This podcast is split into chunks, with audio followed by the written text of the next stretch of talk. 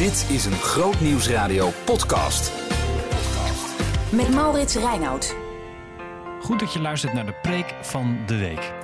Deze week komt de preek van dominee Wietse van der Hoek. Hij is voorganger in de Baptistengemeente in Hogeveen. En hij spreekt over Psalm 8. We lezen met elkaar uit eh, het boek van de Psalmen, Oude Testament. En we gaan vanmorgen Psalm 8 lezen. En ik lees u in de herziene statenvertaling. Psalm 8, waarboven staat de majesteit van de Here. Een psalm van David, voor de koorleider, op de getit. Heere onze Heere, hoe machtig is uw naam op de hele aarde. U die uw majesteit getoond hebt boven de hemel. Uit de mond van kleine kinderen en zuigelingen hebt u een sterk fundament gelegd, omwille van uw tegenstanders, om de vijand en wraakzuchtige te laten ophouden. Als ik uw hemel zie, het werk van uw vingers, de maan en de sterren die u hen plaats gegeven hebt, wat is dan de sterveling dat u aan hem denkt? En het mensenkind dat u naar hem omziet? Toch hebt u hem weinig minder gemaakt dan de engelen en hem met eer en glorie gekroond. U doet hem heersen over de werken van uw handen. U hebt alles onder zijn voeten gelegd: schapen en runderen, die allemaal. En ook de dieren van het veld, de vogels in de lucht en de vissen in de zee, al wat over de paden van de zeeën gaat. Here, onze Here, hoe machtig is uw naam op de hele aarde. Daar mogen we ook met elkaar over nadenken. Een prachtig gedeelte, een psalm. Een psalm lang geleden geschreven. En ik zie me zo voor me, zoals ik dat zelf de afgelopen zomervakantie had. Toen wij op een camping waren in Tsjechië. Zo'n koude avond. En je loopt s'avonds nog eventjes een stukje heen en weer. En je kijkt dan naar boven. Die prachtige sterren. Alles wat daar te zien is. Wat bent u dan groot? Ik kan me voorstellen dat misschien David ook wel op, zijn, op het dak van zijn paleis, een balkon, naar boven heeft gekeken. En dan deze woorden onder andere opschrijft. Hij zegt het ook. Als ik uw hemel zie, het werk van uw vingers, de maan en de sterren. Wat ben je dan klein? Wat ben je dan ontzettend klein? En ik heb dat wel eens aan kinderen proberen uit te leggen. Hoe, welke afstanden dat zijn. Als je bedenkt hoe ver alleen al de maan en de aarde uit elkaar zijn. Dat zijn als je, als je de aarde tot een knikker zou, zou laten zijn, dan, dan gaat het om meters. En zelfs de eerstvolgende ster, dat zou honderden meters ver weg zijn. De zon. Laat dan, dan helemaal niet nadenken hoe ver weg al die andere sterren staan. Ja, dan ga je bedenken hoe klein je bent. Wat bent u dan groot? Maar de psalm begint met iets bijzonders. Heer onze Heere, hoe machtig is uw naam op de aarde? Het is bijzonder. Als je kijkt dat staat u die uw majesteit getoond hebt boven de hemel, dat er wel een verschil is. Want natuurlijk, als je naar boven kijkt en naar die sterren ziet, en dan zie je de majesteit en dan kun je het ook bedenken.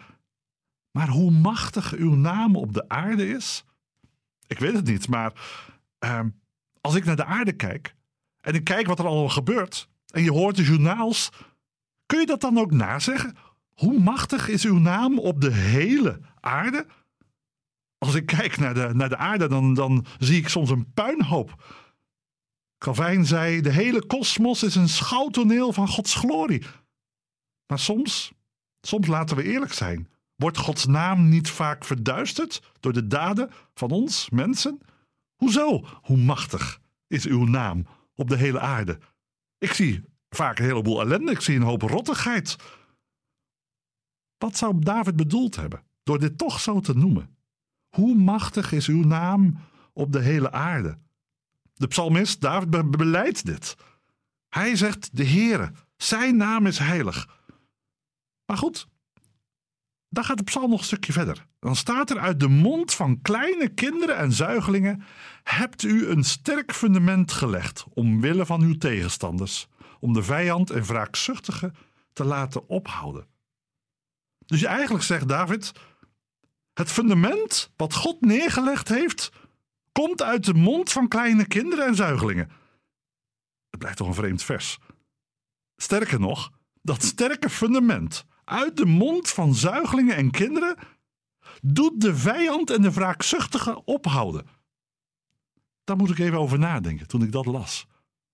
Hoe, kan dat? Heer, als ik naar kinderen kijk, naar kleine kinderen, naar zuigelingen, hoe kunnen die het kwaad uit deze wereld laten verdwijnen? Dan zou ik aan David wel eens willen vragen van, David, hoe heb je dat nou bedacht? Hoe zie je dat voor je? Wat bedoel je daarmee? Kleine kinderen, zuigelingen, zij zijn meestal de eerste die vluchten als er juist als er kwaad is. Het zijn weerloze wezens. Een kind. Ze schreeuwen om voedsel, om liefde, om bescherming, om zorg. Zij zijn juist die vragen om hulp. Hoe kan God nou uit het zwakke, kleine, juist dat sterke fundament leggen? Nou, ik laat het al een klein beetje doorschemeren. Een kind, een kind heeft niets uit zichzelf. Een kind kan alleen maar brabbelen, huilen, vragen. Hoe kan God daaruit het sterkte bouwen? Nou, juist door wat dat kind doet. Een kind kan alleen maar vragen: help mij. Geef mij. Geef mij uw liefde. Geef mij voedsel, datgene wat ik nodig is. God zelf bouwt daarin een fundament. Een fundament van open armen. Een fundament waarin je kan zeggen: Heere, help mij. Troost mij. Ik kan niet zonder u. Wilt u mij die genade geven? En dat is precies dat fundament wat hier gelegd wordt. Een sterk fundament wat de wraakzuchtige vijand laat ophouden. Dat is het fundament van het krachtige gebed. Heere, help ons. Bescherm ons. Dat fundament waarin wij zeggen: Heere, wilt u het doen? Wilt u door uw geest werken? Wilt u de machtige zijn? Dan zal de machtige naam inderdaad over de hele aarde komen. Dat is bijzonder. We leven uit genade. En weet je, een mooi voorbeeld is wat Jezus zelf meemaakt. Het staat in Matthäus 21, vers 15 en 16. Dat is bij de tempelreiniging. En dan, dan is Jezus de tempel binnengekomen. De, de tempelwisselaars en, en de geldwisselaars die, die, die waren verdreven. En uiteindelijk komen de fariseeërs bij Jezus. En, en dan, dan roepen de kinderen uiteindelijk: Hosanna, de zoon van David. En de schriftgeleerden namen het hem kwalijk. En ze zeiden tegen hem: Hoort u wel wat deze kinderen zeggen? En dan zegt Jezus het ja. En dan citeert Jezus: Hebt u nooit gelezen uit de mond van jonge kinderen en van zuigelingen? Hebt u voor uzelf lof tot stand gebracht? Hier zien we het. Kinderen die zeggen: Hosanna, de zoon van David. Hij is de koning. Hij is degene die dat fundament gaat neerleggen. Omwille van onze tegenstanders. Jezus is dat fundament. Hij is degene die de vijand en de wraakzuchtige laat ophouden. De fariseërs die, die, die, die snappen er niets van. En ze vinden het maar een chaos. Maar uiteindelijk is dat het fundament wat Jezus neerlegt. En wat bijzonder dat we dat in Psalm 8 al mogen lezen. Het is natuurlijk iets vreemds. Een sterk fundament van kinderen. Maar juist in Matthäus 21 zien we het gebeuren, letterlijk, in vervulling gaan. Jezus, die bezongen wordt uit de mond van kleine kinderen. Zoon van David, Hosanna, red ons. En we weten wat er gebeurt. Want vlak daarna wordt Jezus gevangen genomen en meegenomen. En uiteindelijk geleid naar het kruis van Golgotha. Daar waar uiteindelijk misschien gedacht zou worden: Heer, uw naam wordt weggevaagd van deze aarde. Maar wij mogen weten, door geloof, dat op Golgotha de machtige naam van de Heer verspreid wordt over de hele aarde. Als uiteindelijk Christus opstaat uit de dood en overwinnaar is over dat kwaad. Hij is degene die de vijand en de wraakzuchtige laat ophouden. Bevestigd door kleine kinderen? Misschien ook bevestigd door jou. Want zijn wij niet degene die soms die vraag hebben in ons? Als we kijken naar de maan, zon en sterren en onze kleinheid beseffen. En soms zo klein kunnen zijn dat wij niet weten wat we met dingen aan moeten. Met die ziekte waar we mee worstelen. Met die vragen over die oorlogen. Over hoe nu verder in dat corona gebeuren. Als ik uw hemel zie, zegt vers 4. Het werk van uw vingers. De maan, de sterren. Wie ben ik dan? Wie ben ik dat u aan mij denkt? Een mensenkind. U heeft miljarden mensen om om te zien. Wie ben ik? En dank u wel, heren, dat u ook in ons dat sterke fundament wil leggen van genade. Het leert ons om te worden en te geloven als een kind. Een kind wat alleen maar kan zeggen: geef mij eten. Geef mij kleding. Raak mij aan, vertroost mij. Zo mogen wij worden. Jezus zegt het ook: zalig zijn zij die geloven als een kind. Kinderen weten wat het is om uit genade te leven. Ze werken niet. Ze brengen geen inkomen in. Ze kunnen weinig doen. Soms af en toe een klusje in huis. Juist een kind weet wat het is om in afhankelijkheid te leven. Wij, wij zijn dat soms een beetje kwijtgeraakt. Wij zijn gemaakt. Weinig minder dan de engelen. We zijn met eer en glorie bekroond, zegt vers 6 en 7. U doet ons heersen over de werken van uw handen. U hebt alles onder onze voeten neergelegd. Is dat zo? Ja, zo was het ooit wel de bedoeling. Het was ooit de bedoeling dat wij vanuit dat sterke fundament zouden leven in de schepping. Het was de bedoeling dat wij uiteindelijk die genade van God als leidraad van ons leven zouden hebben. Ja, zo zijn wij gemaakt. We mochten schapen, runderen en alles een naam geven, de dieren van het veld. Alles had een plek gekregen. Wij mochten leven uit die volledige genade van God. Maar wat hebben wij gedaan? Wij hebben een ander fundament gelegd. Door te luisteren naar de stem van het kwaad en de zonde. En uiteindelijk dachten wij zelf wel onze eigen koninkrijken te bouwen. Om zo vijand en wraakzuchtig te laten ophouden. En kijk eens wat we ervan gemaakt hebben. Na duizenden jaren lukt het ons om vijand en wraakzuchtig te laten ophouden? Hebben wij de ziektes uit het land gebannen? Hebben wij oorlogen allemaal kunnen laten stoppen? Nee. Uiteindelijk is de vraag wie wordt er bedoeld?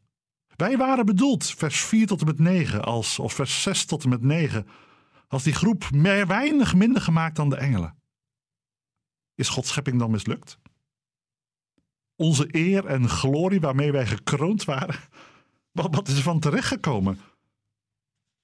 Het mooie is dat er de gevallen Adam niet geval is gebleven.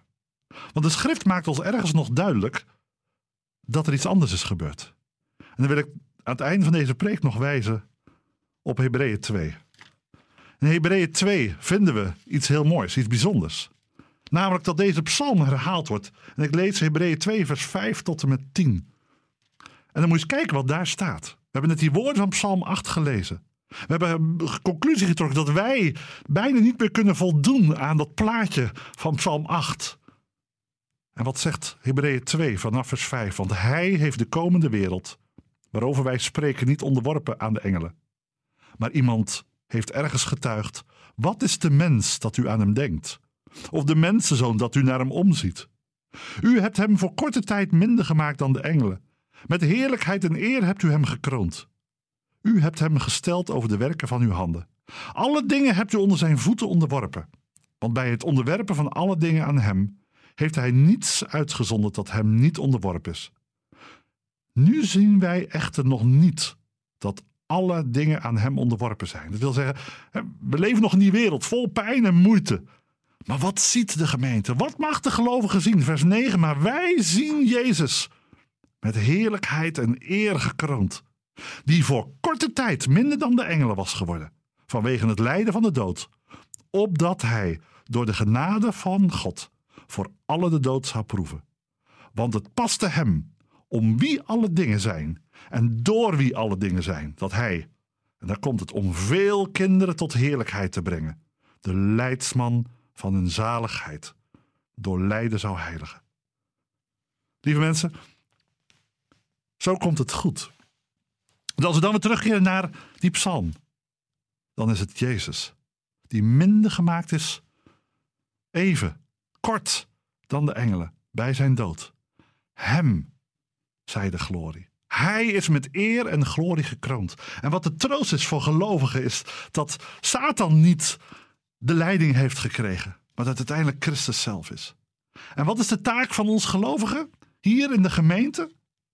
Wij zien, ja, wij zien nog dat niet alle dingen aan hem onderworpen zijn, volgens Hebreeën 2, vers 8 en 9.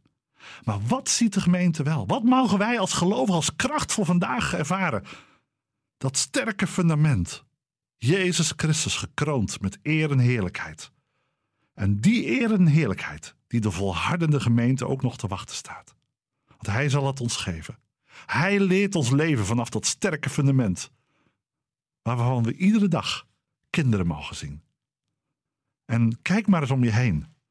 En kijk maar eens naar een kleinkind. Misschien heb je het zelf, een kleinkind of iemand in je familie of je vriendenkring. Zo wil God het sterke fundament leggen. Een fundament van genade. Terug naar die beginvraag. Heren, hoe machtig is uw naam op de hele aarde? Ja, het klopt. Niet heel de aarde is nog vervuld van zijn heerlijkheid.